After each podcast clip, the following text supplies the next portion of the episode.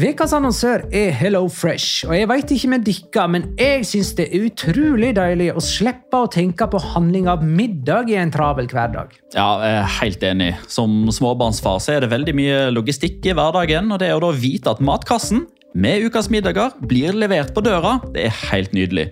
Da slipper du impulskjøp på butikken når blodsukkeret er lavt, og når du kommer hjem, kan du bare ta ut posen med dagens ingredienser fra kjøleskapet og sette i gang matlaginga. Ja, du kan velge mellom 25 ulike retter hver uke. Og de har faktisk en egen kategori som heter Raskt og enkelt, med masse enkle og gode oppskrifter. Veldig greit å ikke måtte ty til takeaway hver gang det er hektisk på jobb. Jeg gleder meg spesielt til sterk chilikylling i min neste kasse. Jeg blir sulten bare av å tenke på det. Ja, Det er ikke feil med bacon og cheeseburger heller, da. Og det som også er bra, er at matkassen koster det samme hver uke, som gjør det enklere å holde matbudsjettet. Ja, og så blir det ikke matsvinn heller, fordi du får akkurat det du trenger til hver eneste rett. Hello Fresh kan absolutt anbefales, og bruker du koden vår, LIGALOCA, kan du få opptil 1779 kroner i rabatt på de fem første matkastene hvis du ikke har prøvd Hello Fresh tidligere.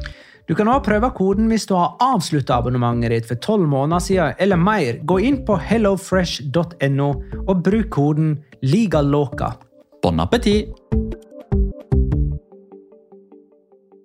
Hallo? Jeg kommer fra Oslo politikammer. Ine Jansen er purk. Er du purk? The motherfucking bitch. Alt jeg vil, er å finne ut hva som skjedde med mannen min. Jon Carew. Er jeg sikta for noe? Iben Akeli. Det er du. Ole So, Lars Berrum og Big Daddy Karsten. Hvem sin side er du på, egentlig? Anette Hoff, Tone Danielsen, Kommer du fra Afrika? Jørnis Josef, Nesten. Kløfta. Trond Espen Seim. Det er synd å si det, men det var feil mann som døde. Purk. Premiere tirsdag på TV2 Play.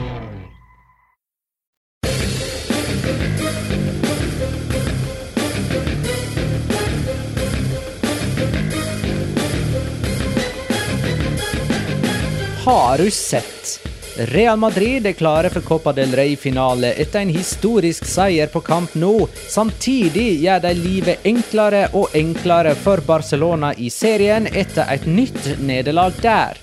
Og de to Sevilla-klubbene er seg sjøl like, med til sammen fire røde kort denne La Liga-runden.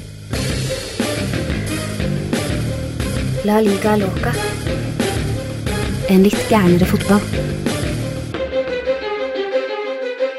Ja, ja, ja, dette er La Liga Loca episode 246 av det ordinære slaget med Jonas Giæver i Oslo sentrum. Hei. Hello in the home. Petter Veland i Nei, jeg veit ikke hva jeg sier. Løren, hei. Ja, Økern. Hei, hei. Hei. Økeren i dag, den er god. Og meg, Magnar Kvalvik i gamlebyen. Skråstrek Ekeberg, Skrenten. Hei. Halla, Magnar. Magnar. Hei, når jeg endelig har gåavstand til en Sogndal-kamp, så er jeg opptatt med innspilling av La Liga Låka. Sogndal spiller jo borte mot KFUM Oslo i dag. Eh, Den fikk jeg ikke sett. Sånn har det blitt. Eh, Men snakka om La Jeg føler, Liga for å, jeg føler for å loggføre her at det kom aldri en forespørsel fra deg, så det er ikke sånn at meg og Jonas har sagt nei. Nei da. Eh, det er riktig, som du sier der. Eh, nei, men eh, uansett, jeg kan godt snakke om runde 28 av La Liga og ta kamp for kamp. Det starta med Cel Sevilla, Celta Vigo 2-2 på langfredag. Eh, Sevilla med to røde kort, og likevel så kan de være misfornøyde med bare ett poeng. Osasona Osasuna Elche 2-1. To mål av S. Abde for Osasona, som er klare for Copa del Rey-finale, og samtidig er i kamp om europacupplasser i ligaen. Eh, Español Athletic Club 1-2. Eh, Español med heimetap i trenerdebuten til Luis Garcia etter et mål av to stykk Williams. Eh, Real Sociedad Getafe 2-0. Alguacil vraka Sørloth og starta med Oyarzabal og Kubo som spissa. Begge skåra for eh, Real Sociedad, som er på topp fire. Real Madrid via Real 2-3. Real Madrid gikk fra 4-0-seier på kamp nå til heimetap mot Villarreal, som har sleget Los Blancos i begge ligaoppgjør denne sesongen. Valladolid Mallorca 3-3. Petzolano debuterte som Valladolid-trener og fikk både de og Mallorca til å se mye artigere ut. Real Betis Cádiz 0-2. Eh, Sergio Canales var suspendert, men fikk spille likevel og ble utvist, og er definitivt suspendert neste kamp. Eh, Almeria-Valencia 2-1. Eh, Valencia er tredje sist, og nå er det to poeng opp til trygg grunn. Og den siste kampen vi har sett, er Rayo Vallecano Atletico Madrid 1-2. Det betyr fem strake seire for Atletico, som tar opp kampen om andreplassen og er bare to poeng bak Real Madrid.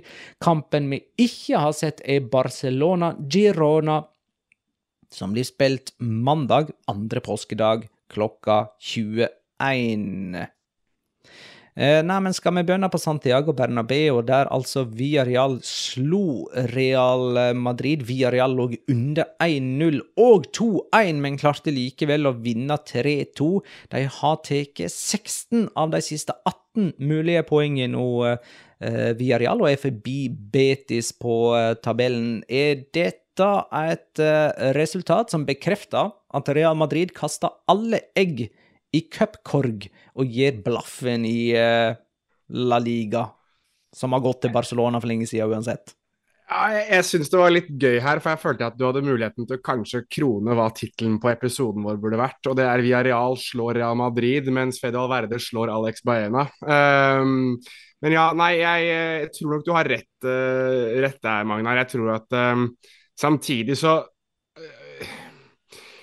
Kiki Setien har en sånn veldig rar tendens, da, syns jeg, eh, til at eh, han får det til å stemme på de store arenaer mot de store klubbene, og så driter han seg ut noe fryktelig når han møter eh, andre lag som ikke er like standhaftige og gøye å møte, kanskje. Altså, jeg husker Som Betis-trener så spilte han jo ut eh, Barcelona på Camp Nou med deres egen spillestil, og nå føler jeg nesten at han gjorde litt det samme med Real Madrid, i det at han fikk i gang eh, enkeltspillerne. Han fikk i gang magikerne sine. Eh, litt sånn som Real Madrid veldig ofte får til med, med Rodrigo og, og Venicius Junior spesielt.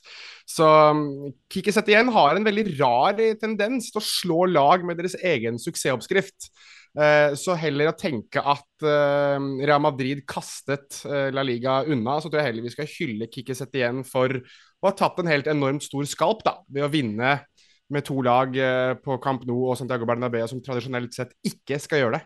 Uh, Kikki Setien har uh, leda lag seks ganger på Santiago Bernabeu. Der har han tre seire, én uavgjort og bare to tap. En uh, meget sterk statistikk.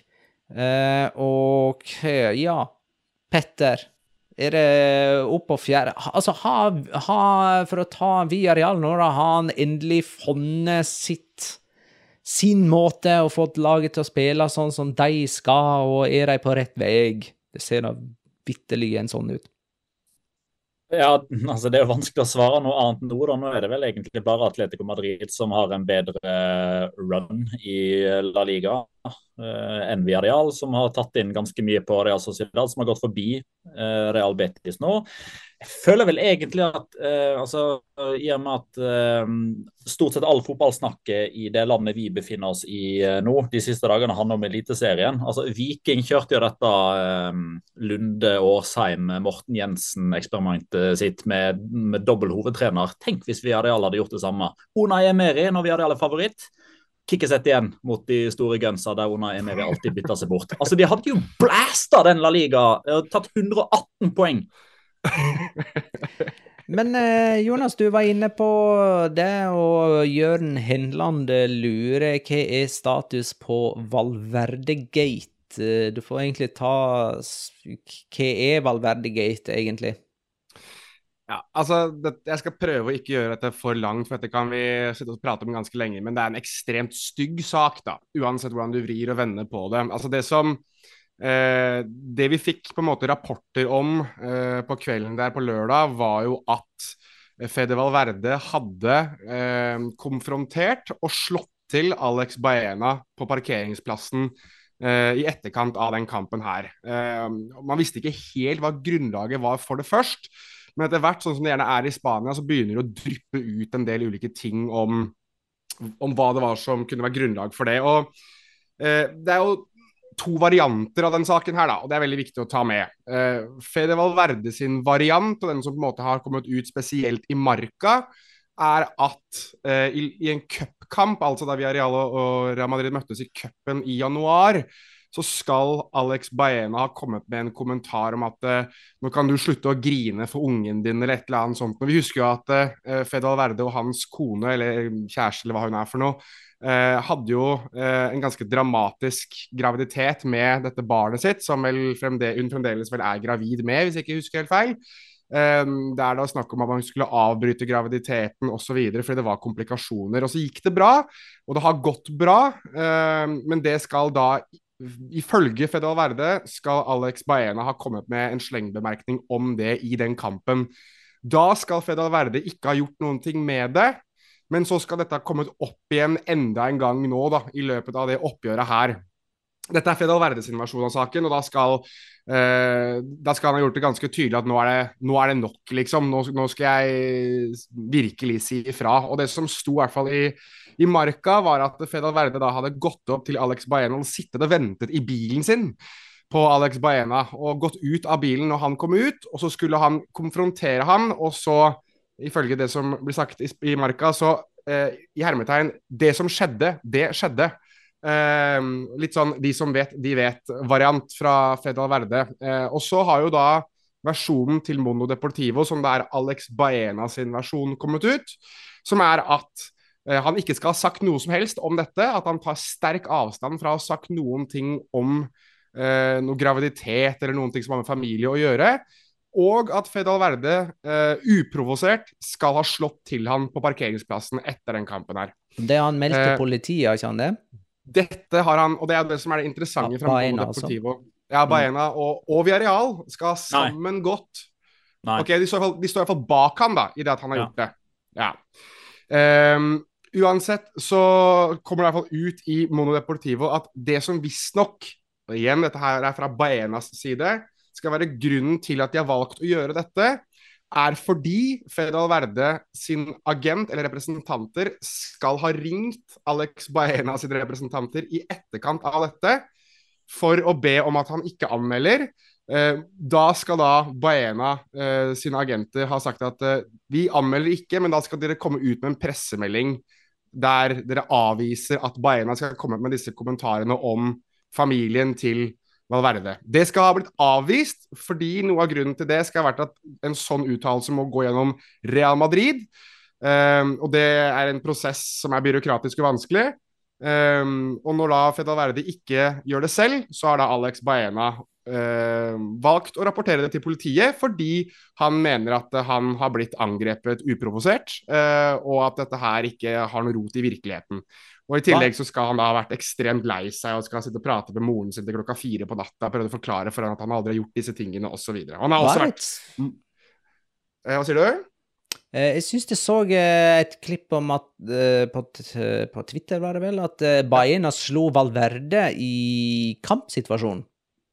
Ja, det, det klippet har jeg ikke sett, men, men det er i hvert fall snakk om noe sånn gråtetegn oppi ansiktet på At Baena skal ha stått med noe greier oppi ansiktet på Valverde, og at det skal liksom ha vært en anses som noe som har med dette Altså, vi husker jo at eh, Valverde var jo borte plutselig fra fotballen tidlig på året. Og det var jo pga. disse komplikasjonene. Og det var jo en ganske sånn um, følelsesladet intervjuseanse med han, og senere også med hans kone, som vel er journalist, der hun også åpnet opp om det at de har hatt det helt forferdelig og vanskelig og dramatisk. Um, yeah. Og at det, det, skal være i hvert fall snakk om at Valverde har følt at Baena har prøvd å ta han på det. da uh, Men det som i hvert fall er status nå, er at Baena har uh, politianmeldt dette. Og det gjenstår da å se, uh, ettersom dette her ikke har skjedd på banen, så er det så mye uh, å si, sportslig komité kan gjøre mens saken er hos politiet. Det eh, Isak Foto skriver og sier, som jo er en eh, person som jeg henvender meg til, eller ikke henvender meg Mm. til, men som jeg refererer til veldig ofte når det kommer til sånn som har med straffeutmåling og La Liga versus det spanske fotballforbundet osv., det er at eh, det fins én sak som man kan gå tilbake og se på eh, for å få en viss forståelse for hva som kanskje kan ligge i en eventuell straff for eh, Federico Valverde. Det er Sergio León som forrige sesong eh, havna i en, en eller annen form for klammeri med en Sporting Gijon-supporter da han spilte for Valladolid. Det var òg klassifisert som en incident som ikke skjedde på banen. Det skjedde etter at kampen var ferdig. Ble ikke nevnt i noen dommerrapport. Konkurransekomiteen gjorde i utgangspunktet ikke noe med det.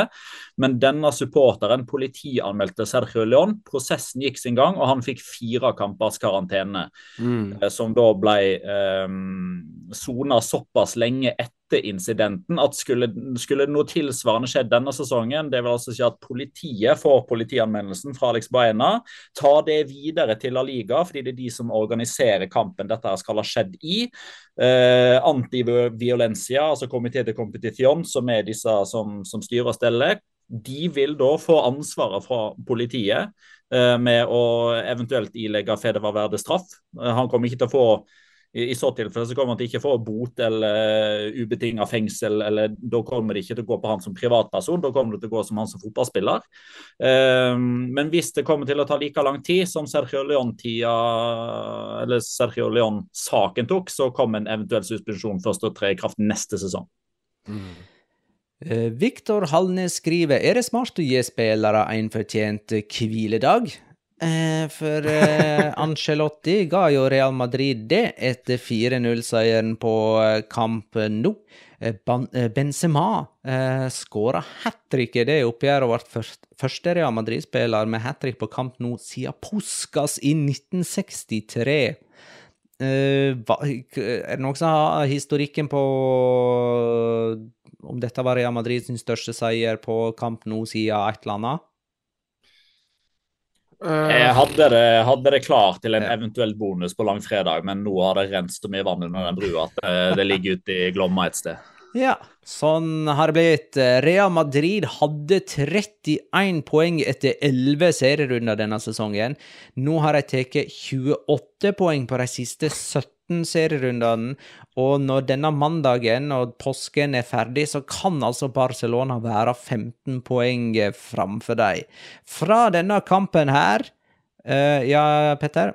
Altså, Jeg har litt mer uh, oppdatert uh, tall på historikken i Villarreal sin triumf, uh, i og med at det skjedde for ikke så veldig lenge siden. Eh, det er jo altså José Luis Morales har skåra fem mål nå mot Real Madrid for Levante og Villarreal. Og alle de kampene så har han vunnet, så han er jo Madrid-døderen.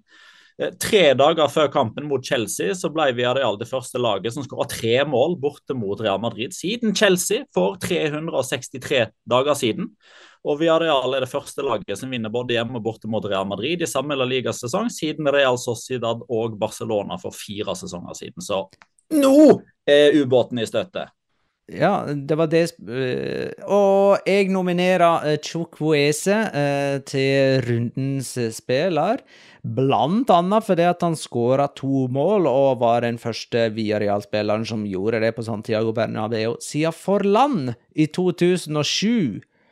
Eh, I tillegg så hadde han en uh, finger med i spillet på det uh, tredje målet òg. og hva gjorde I han Nå ha, Er det nå han har tatt det der steget som jeg trodde han skulle ta for fire år siden? Ja, eh, og det er nå han kommer til å bli solgt til Aston Villa for 25 millioner euro i juni. Fantastisk. Jeg må, jeg må spørre deg, Magne. Tror du hadde gjenkjent han til en heis nå? Nei. Det er eh, For de som ikke tar den, jeg og Magne har faktisk stått i heis med Samu Chukwueze. Og da han gikk ut av eh, Da han gikk ut av heisen, så tror jeg det var jeg som spurte Magne. Så du ikke hvem det var? Og så sa Magne Det var, ikke helt, det var ikke helt sånn. Jeg sto i heis aleine. Med det det var, ja. en ja? Villarreal-spiller, men jeg sto, på, jeg sto og glante i mobilen, og idet vi gikk ut av heisen, så skjønte jeg at det er en Via-realspiller, det der. Men jeg så ikke hvem det var, og så tenk, sa jeg det til deg etterpå, tenkte jeg det kan ha vært Chukwueze. Nei, men Jeg så jo at det var han. Jeg, jeg så jo at Jeg sa så du ikke hvem det var? Jeg tror kanskje dere to kom gående ut av heisen sammen. Ja, det kan hende. Ja, mulig. Eh, Så jeg har kanskje stått i heis med eh, Samu Chukwueze. Nei, du har det. Du har det. Da, 100 da, da, da har du sannsynligvis stått i heis med en av de to som har hatt sju vellykkede driblinger på Santiago Bernabeu. Den andre er Lionel Messi. Jeg kan ha stått i heis med han òg. I alle fall hvis du ser på telefonen hele tida når du står Ja. reis. Nei, noen ganger så, så er den telefonen mer i veien, altså, enn eh, nyttig. Eh, vi hopper til Sevilla mot uh, Celta Vigo, som altså endte 2-2, der uh, Sevilla fikk Papegøy utvist i det 18. minutt, og etter 80 minutt så leder de likevel 2-0. Og i løpet av fire minutter så klarte Celta Vigo å skåre to, sånn at det endte 2-2. Uh, denne kampen høres jo akkurat så rar ut som han var, da. Mm. Hvordan Eh, kunne jeg- Sevilla lede 2-0 med ti mann?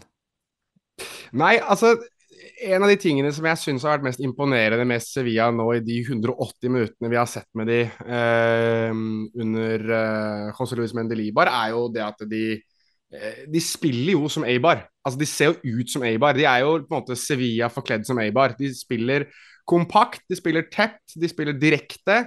Um, men jeg tror det passer Sevilla fryktelig godt. Altså at det er egentlig ikke noe sånn Det er ikke så veldig vanskelig, uh, den spillestilen de har. Um, og jeg tror det passer f.eks. For, for typer som Josef N. Nesiri, som blir fortalt du skal være jævlig stor, du skal være jævlig sterk, og du skal hoppe jævlig høyt. Bare gjør det, du. Og det gjør han jo. Og han, og han, er, han er ganske god når han får lov til å bare gjøre de tingene der. Eh, jeg synes f.eks. også Marcos Aconia Nå blir jo han utvist i den kampen her og blir vel suspendert sikkert litt også, men jeg syns også han er sånn som tydelig Du er back, du. Bare løp. Løp, slå innlegg og skyt når du har mulighet. Ikke tenk så jævlig mye på at du skal inn i banen og litt sånn ulike ting. Bare gjør det enkelt. Um, så jeg, jeg, jeg liker litt det at Mendelibar har kommet inn med litt de derre uh, enkle meldingene til, til, Sevilla, men jeg syns det er traust, altså. Jeg syns liksom for et lag som Sevilla, som har kunnet spille veldig fin, attraktiv, god fotball med veldig mange av de samme spillerne da de hadde Lopetegi som trener, så å se de liksom ligge inne i egen boks der. Ja, de har en mann mindre, jeg skjønner at de kanskje må, men samtidig, det er liksom Sevilla på Ramón Sánchez Pijuan. Det er ikke noe gøy i det hele tatt, sånn egentlig, så Nei, men hvor Men- gøy men- er det å være i nedrykksstrid? De må vel gjøre noe? Nei, det er jævlig kjipt, Magnar, og det skal vi inn på etterpå. Mm. Men det er veld, veldig gøy å observere det, i alle fall. For at, altså, det, altså, når du liksom trodde at Sevilla-toget var liksom i ferd med å virkelig komme seg på skinnene og få opp eh, Du ser liksom eh, kølet bli kasta inn i damplokomotivet foran der, og, og røyken står om en Deliba og tjukk, tjukk og 2-0 og vekk fra nedrykksstriden. Nei, her blir det 2-2. Her er det kun ett poeng. Her gir Sevilla fra seg en tomålsledelse etter å ha leda eh, når det sto 88 på klokka. Det har aldri skjedd før, ifølge Mr. Chip. Eh, og én ting er jo liksom at ja, de tar ett poeng med ti mann. Hadde, de liksom, hadde det vært narrativet, så hadde jo dette her vært en, en ganske OK kamp. da. Ok, Dere får to mann utvist, men dere tar faktisk poeng. Men allikevel så føles jo dette her som et tap. Og i tillegg, Pap Gay utvist, Marcos Sacunya utvist, Alex Teie suspendert. Og Hvis jeg ikke tar helt feil, så er jo neste kamp borte mot Valencia. Det er Oh, jo for, for godt til å rykke ned, arbeidet. eh, Marcos Acuña med både mål og rødt eh, kort, altså, for eh, Sevilla. Jeg er litt usikker på den papegøyeutvisningen. Han fikk sitt andre gule kort eh, i en situasjon det for meg så ut som han tok ball. Og det var en Han, grei. trå, han, trå, han tråkka Ja. han på motsatt fot med Å, den ja. andre foten. Ja, Så man må jo- se på begge føtter. Det er sånn det er. Ja, så, så vi, vi har vel uh, i et, uh, et eller annet sånn form for kollektiv uh, klart å, å latterliggjøre litt den offentlige pressemeldinga eller sutremeldinga som kom fra Sevilla der med en, en statistikk som tilsa at de hadde x antall frispark imot og så og så mange gule kort, og så tar de ikke med i beregningen at en tredjedel av kortene de får, er for sutring og filming og protestering og feiring og sånn som ikke gjør at man får et frispark imot. Eh, så, så, de har jo kasta seg på samme linje som en del andre klubber har gjort det tidligere, og som faktisk et par gjorde i etterkant av Sevilla òg, selv om det mm. skjedde så seint som på fredag. Ja, Sevilla har altså hatt, kommet med en offisiell uttalelse ja. om, om, dårlig dømming, da, underforstått? Ja, dømming som eh, går i, i deres disfavør? Ja, det, dette, dette starta med at eh, Fernando var den som ble sendt til, eh, til Flash, eller Superflash-intervju rett etter kampen. Og han hadde blitt skolert, for å si det sånn. Han hadde stålkontroll på hvor mange røde kort og hvor mange gule kort eh, de hadde hatt, og at det ikke var de som hadde lagd flest frispark osv. Men altså, og, altså, I den pressemeldinga, den, den, er ganske lang, det er sju forskjellige avsnitt. Eh, avsnitt nummer to, der står det 'Los datos hablan por si mismos', altså tallene taler for seg sjøl. Og så kommer det en hel argumenter da, med, med, hvorfor det er så sjukt at Sevilla har fått så mange gule kort og, og så mange røde kort, sammenlignet med hvor mange frispark de har fått imot. Altså, De mener at det skal veldig mye mindre til for å gi gult og rødt når de først gir frispark. Eh, og så er det litt sånn som vi har gjort i discorden. da, Vi har jo, eh, vi har jo kledd av eh, pressemeldingen ved å se på hvor mange gule kort de har fått for protester, filming, drøying av tid, krangling med motspillere. altså Kort som kommer etter at dommeren allerede har bestemt seg for noe. Eh, sånn som f.eks. Marcos Acuña, som nå får minimum to kampers karantene fordi han ikke klarer å holde raseriet inni seg. Fordi han ikke klarer å holde frustrasjonen inni seg. Ja, Det hjelper ikke oss å argumentere at han eh, lagde null frispark og fikk likevel et rødt kort. Det er urettferdig, når han jo da krangla på seg det røde kortet. Ja, det er nettopp det. Så, men la dere for øvrig merke til en, eh, en liten sånn finurlig ting med startoppstillinga til eh, Sevilla. En finurlig ting? Uh, ja. At det var masse tidligere Eibar-spillere der? Uh, ja, nei, Det er ikke så finurlig, og den naila jo du før, uh, før Valladolid-kampen. Med at eh, Jordan og um, Dimitrovic inn og, og, alt dette her. Men det er sju venstrebeinte fra start, er ikke det uvanlig?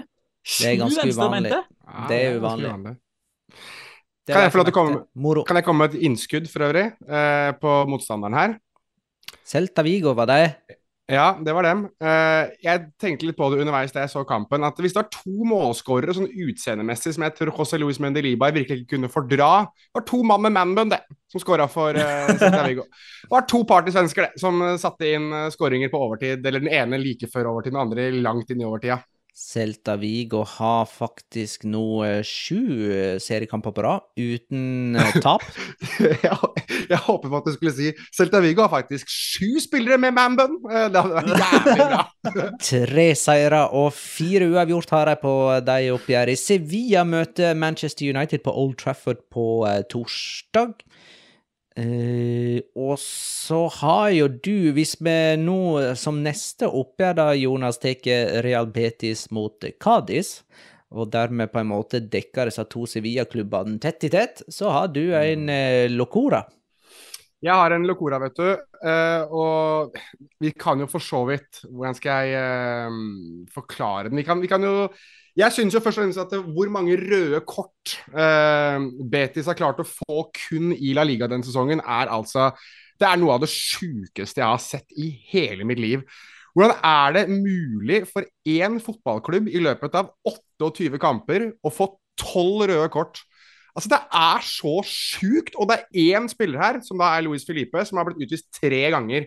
Nå har Canales blitt utvist to ganger, og begge gangene mot Cádiz hjemme og borte. Greit nok, her er det kanskje noen som mener at det røde kortet er for så vidt litt sånn eh, mm, eh. Men greit nok, la oss nå si at det kortet var mm, eh.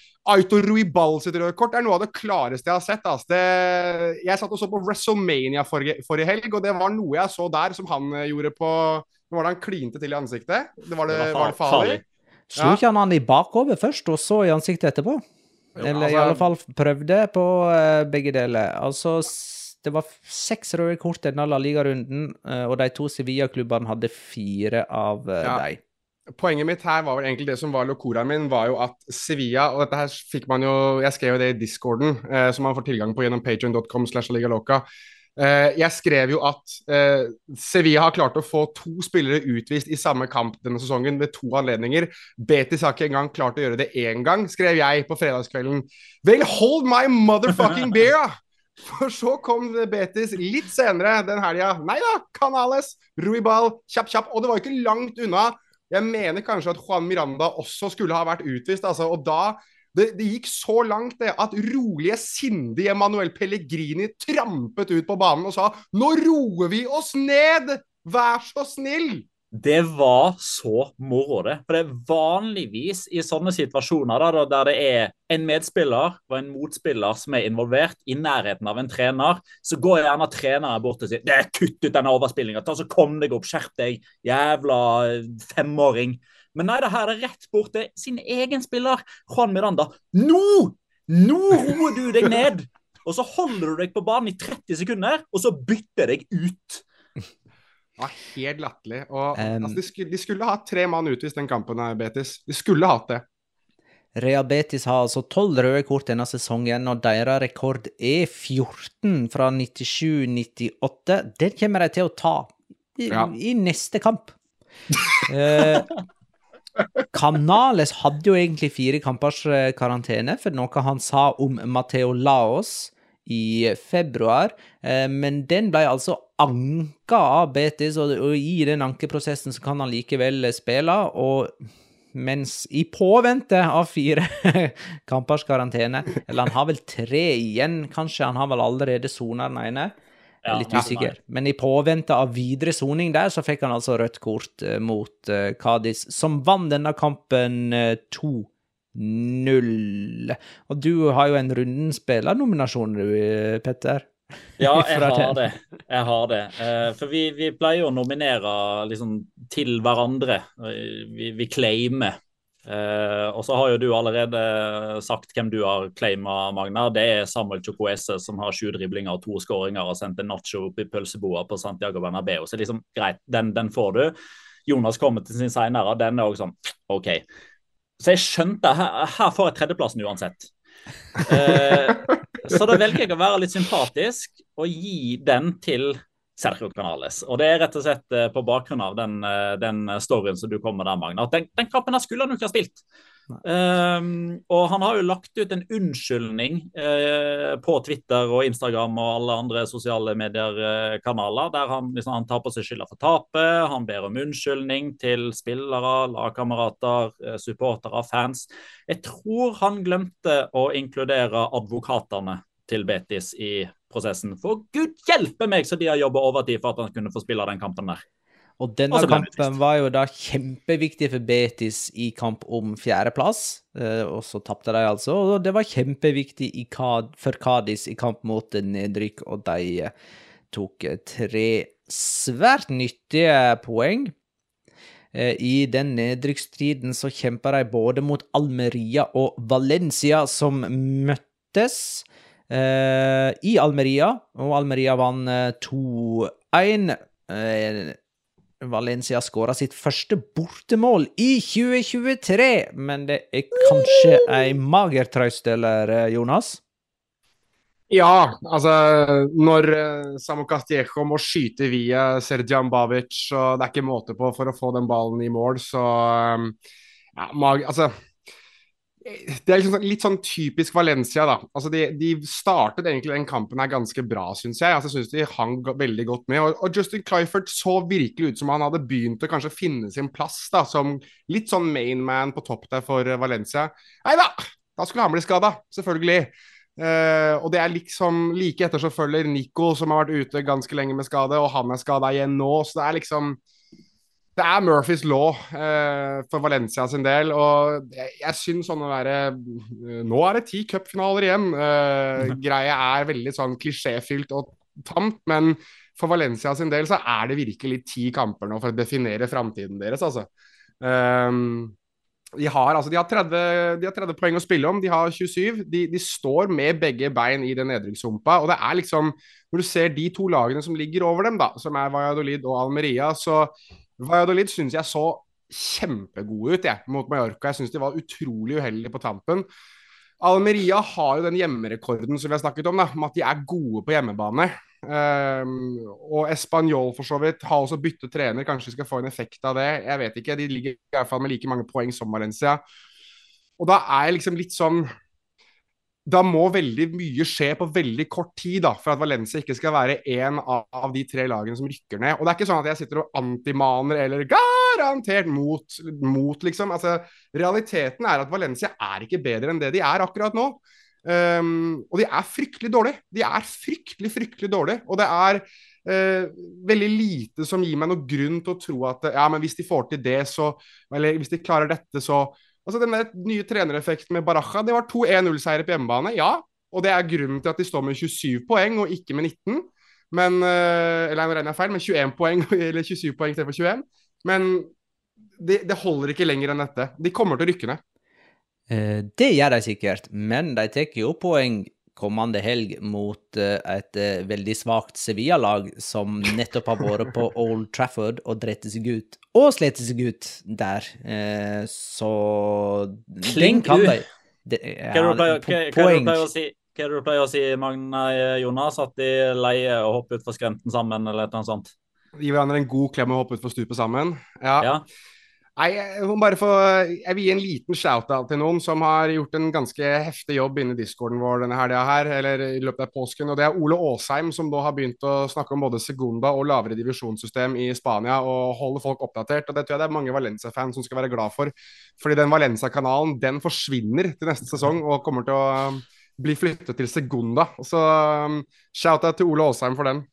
Men du snakker om Murphys law. Uh Jonas. Jeg tenker det, det gikk jo Murtisk lov?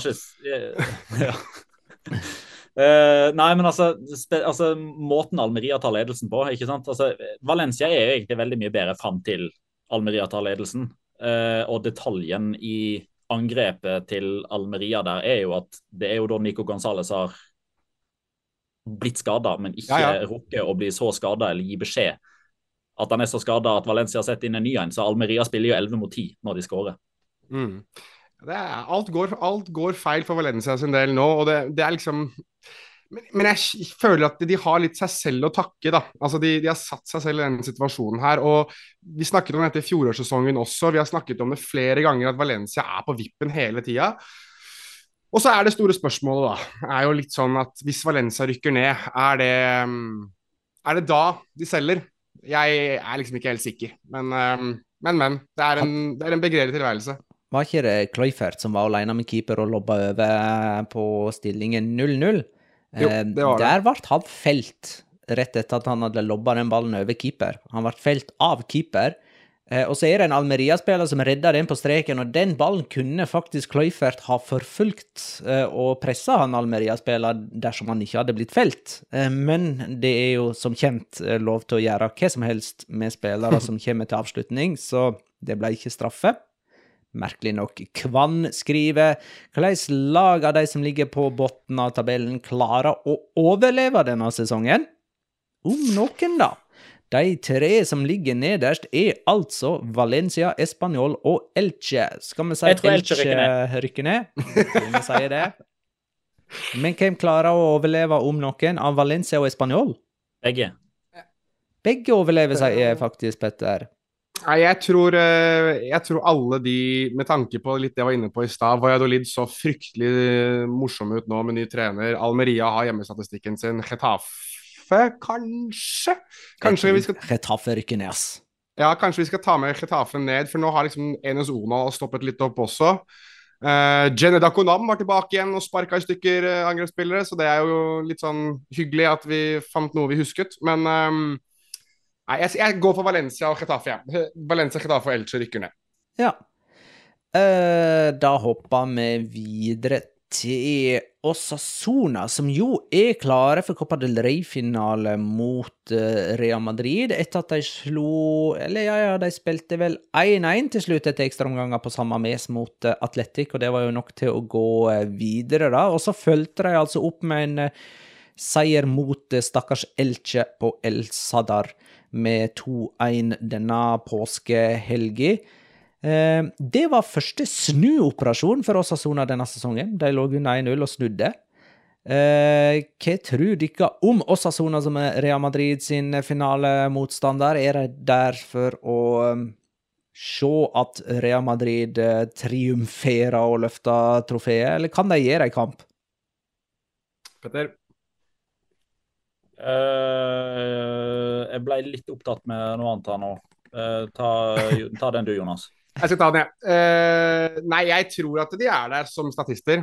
Eh, jeg tror nok dessverre at eh, Real Madrid kommer til å bli no noen hakk for store for, for Osasuna sin del. Men selvfølgelig, altså, det er første, første finale første finale, finalen deres siden 2005. Det er Uh, det er jo et lite eventyr, hele Osasona-sesongen. Uh, det, det de er avhengig av nå, er å holde seg skadefri og egentlig bare holde den der holdt på å si, maneprosessen sin i gang, som de har gjort gjennom store deler av den sesongen her. Um, men altså, jeg, jeg, jeg lar meg blende og imponere av Osasuna, sånn vi har vært inne på før, hvordan de hvordan e, klubbetoset deres er, og at det eksisterer en klubb som får til de tingene de får til den sesongen, er superkult. Og du har jo nominert en uh, Osasuna-spiller ja. til rundenspiller, du. Det har jeg, altså. Og det Jeg lar meg overraske uh, over at han får til så mye uh, på et lag som ikke akkurat spiller til hans styrker hele tiden, S. Abde. Men i den kampen her så er han altså Han er så god. Altså Dribleraidene hans og kombinasjonene med Bodimi spesielt. Og så har han spesielt den ene skåringa hans hvor han står nesten stille og prikker ballen i hjørnet fra 20 meter. Det er altså veltsklass, ville de sagt i et annet land, eh, der du kanskje burde høre på podkasten Dritt og Halbseit istedenfor oss. Men, men, uansett, det er, det er altså så enormt godt, det han gjør. Eh, og måten han ene og alene egentlig vinner den kampen her mot Elche, som jeg syns eh, så ut som de i hvert fall de følte at de hadde noe å spille for. da. Jeg tok jo ledelsen her og, og syns de hadde noen gode kombinasjoner, de òg, for så vidt. Men, eh, men, de hadde ikke noe svar for S. Abde. Og det, når han er så god som han er, så er det ingen som har noe svar for ham.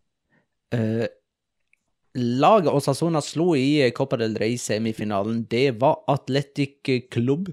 Uh, der fikk uh, den ene stykket Williams, uh, typ Nico, mye hets etter kampen fordi at han bomma på mange åpe, eller flere åpenbare sjanser mot Osasona. Men nå mot Español, der Atletic altså vant 2-1 på El Prat eller Cornella. Der skåra Nico Williams og broras Inyaki.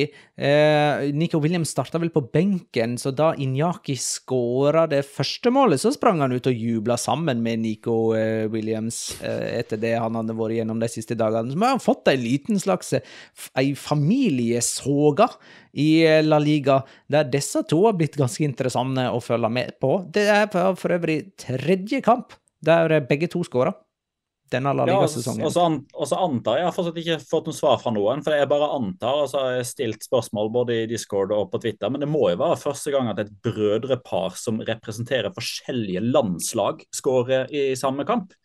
Uh, og så hører det jo òg til eh, Inyaka Williams-storyen her at eh, jeg tror det var en litt sånn der dobbel revansje. At han skåra på det stadionet som var første gangen han ble utsatt for rasisme fra tribunen. Det var jo mot Espanol i 2018 eller 2019. Så jeg tror ikke det var tilfeldig at han både gjorde liksom sånn her, og så se navnet på, på ryggen på, på, drakta, og sprang bort til Nico for å gi han sin støtte. Så det var, det var deilig at de to skåra i den kampen. Uh, Injaki Williams har klart å skåre i to kamper på rad, etter at vi poengterte i forrige episode at han hadde gått målløs av banen i 24 strake oppgjør. Uh, men det hjalp altså ikke at han skåra mot Osasona i Copa del Rey.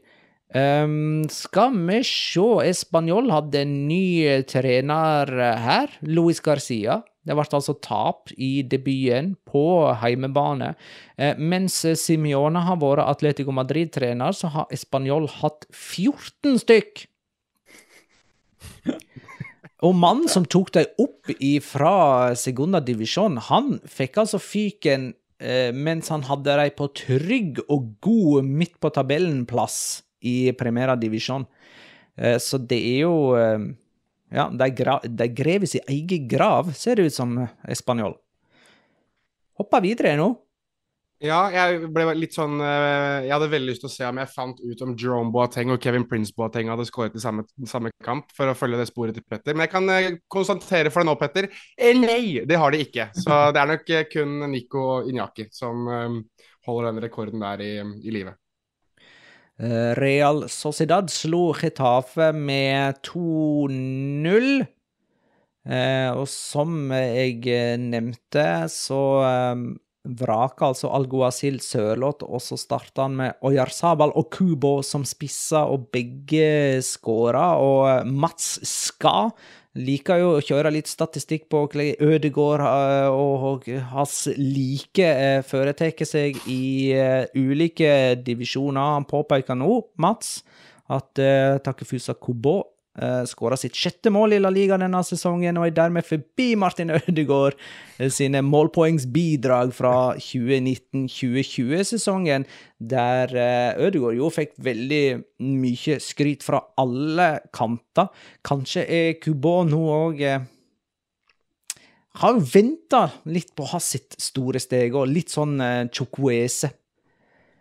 Eh, men jeg føler jo at Chukwese likevel har tatt større steg nå i det siste, da.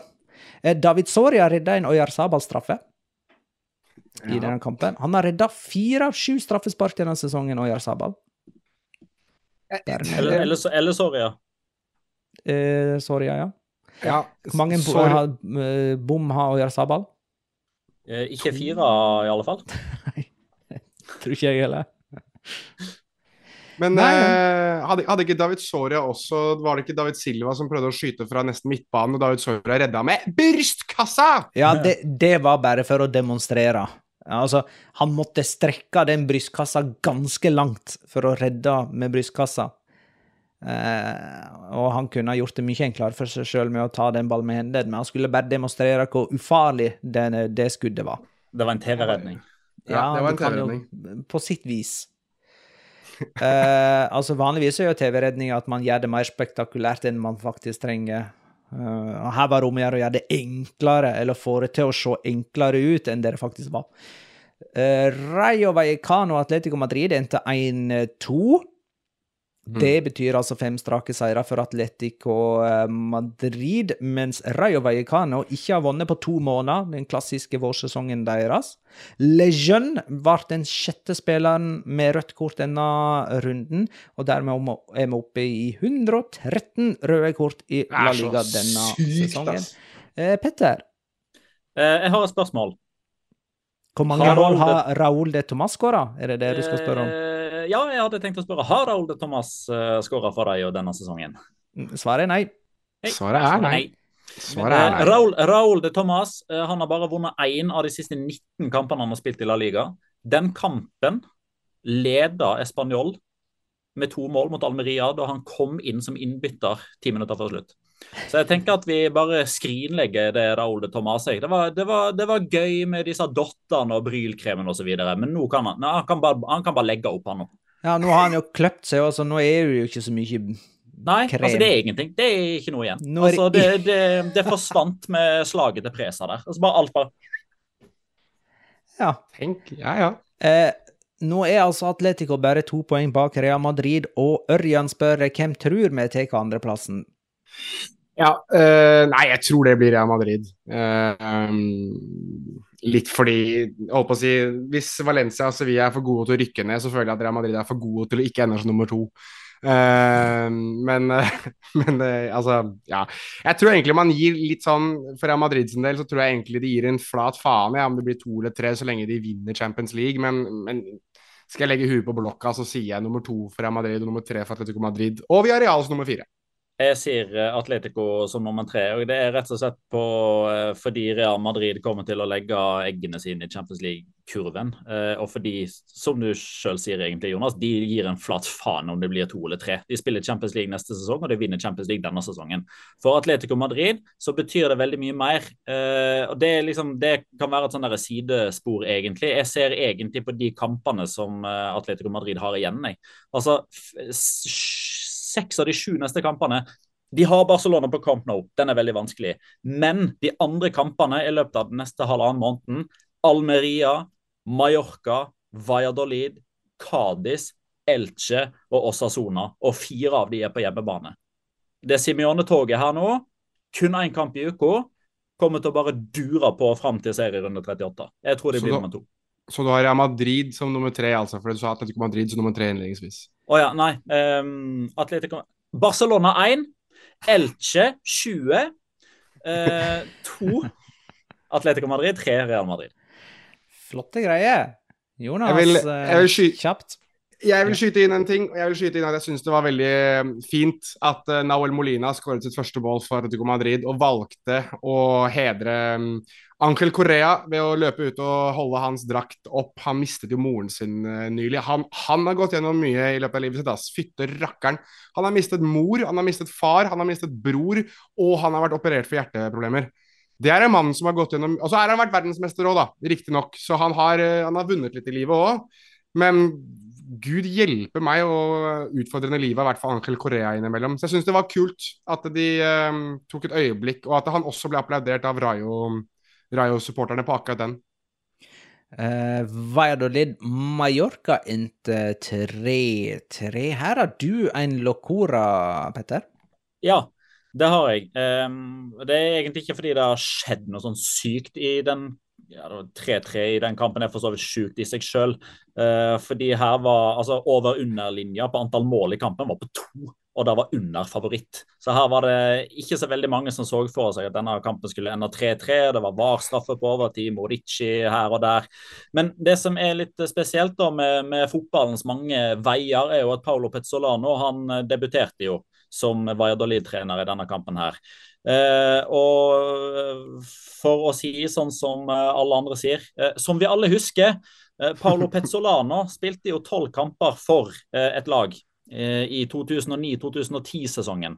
Det var Mallorca, som han da tilfeldigvis fikk sin trenerdebut mot. I løpet av dette fantastiske oppholdet til Paolo Pezzolano i Mallorca, der han altså spilte tolv kamper, så starta han kun én.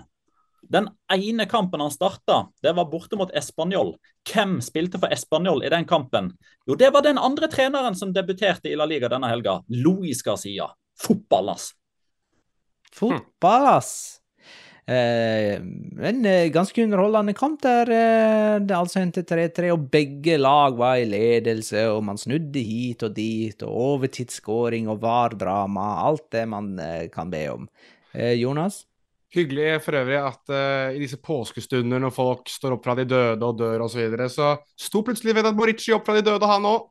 Han hadde lyst til å være med på moroa. To skåringer. Uh, plutselig så var han en liten greie igjen. Det er jo uh, fryktelig hyggelig, for han var jo brennheit før VM. Og har vel egentlig ikke vært å finne på banen nesten etter VM. Men nå vet jeg at han eksisterer, han nå. Da er vi gjennom alle La Liga-kampene vi har sett i runde 28. Og enda så har jo ikke jeg kommet med min eh, Locora. Den eh, tar jeg fra Segundadivisjon. Eh, Hei! På tips både fra Steven Silden og Mikael Bjerkan. Eh, Mikael Bjerkan skriver eh, Ivan Cuellar, rundens spiller. Svaret er nei, men han er kanskje likevel eh, rundens navn, Ivan Cuellar. 38 år gammel, forhatt eh, keeper.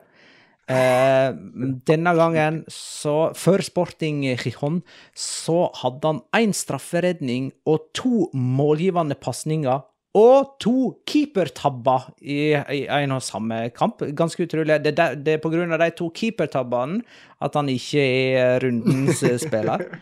Um, og de to keepertabbene de resulterte altså i ett baklengsmål. Eh, Det var to, keep to tabber i en og samme situasjon. Han eh, skulle spille ut eh, fra 16 meter, spilte ballen rett i en eh, motstander.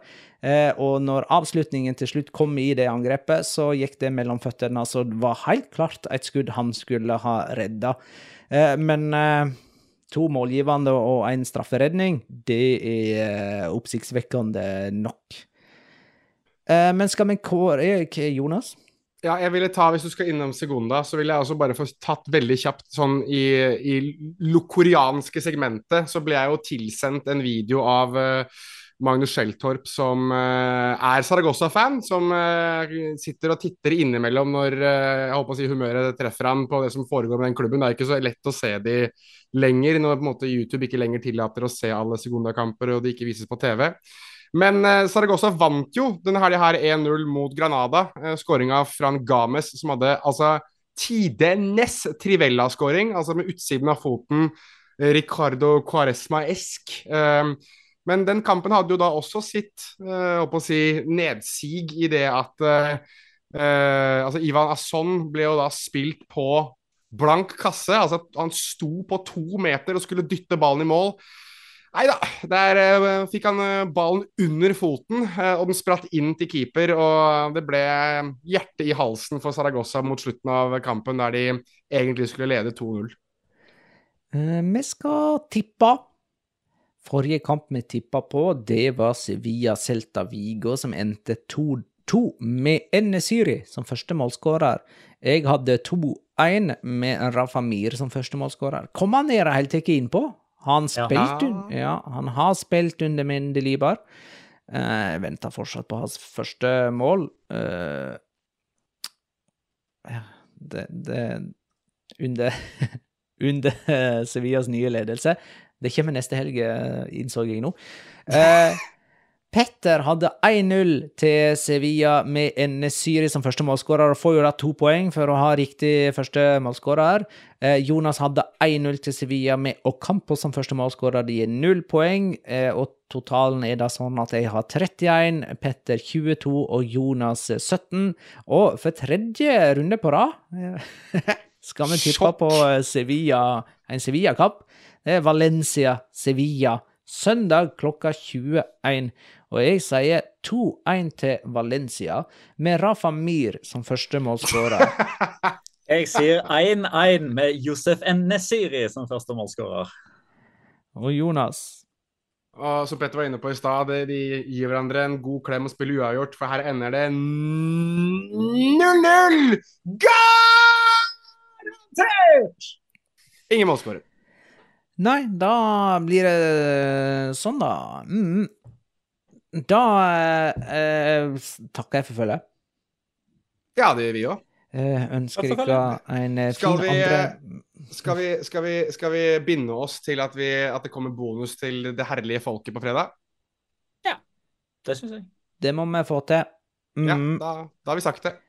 Da bonus der, altså, etter at Real Madrid med Chelsea og Sevilla har møtt Manchester United denne veka.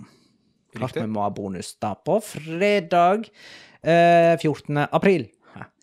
Eh, Neimen, eh, takk for at eh, dere tok dere tid på andre påskedag. Ha en fortsatt eh, fin kveld, og takk for at du lytta, kjære lytter. Ha det, da.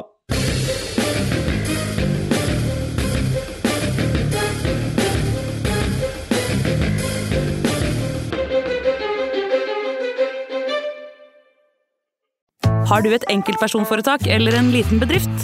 Da er du sikkert lei av å høre meg snakke om hvor enkelt det er med kvitteringer og bilag i fiken, så vi gir oss her, vi. Fordi vi liker enkelt. Fiken superenkelt regnskap.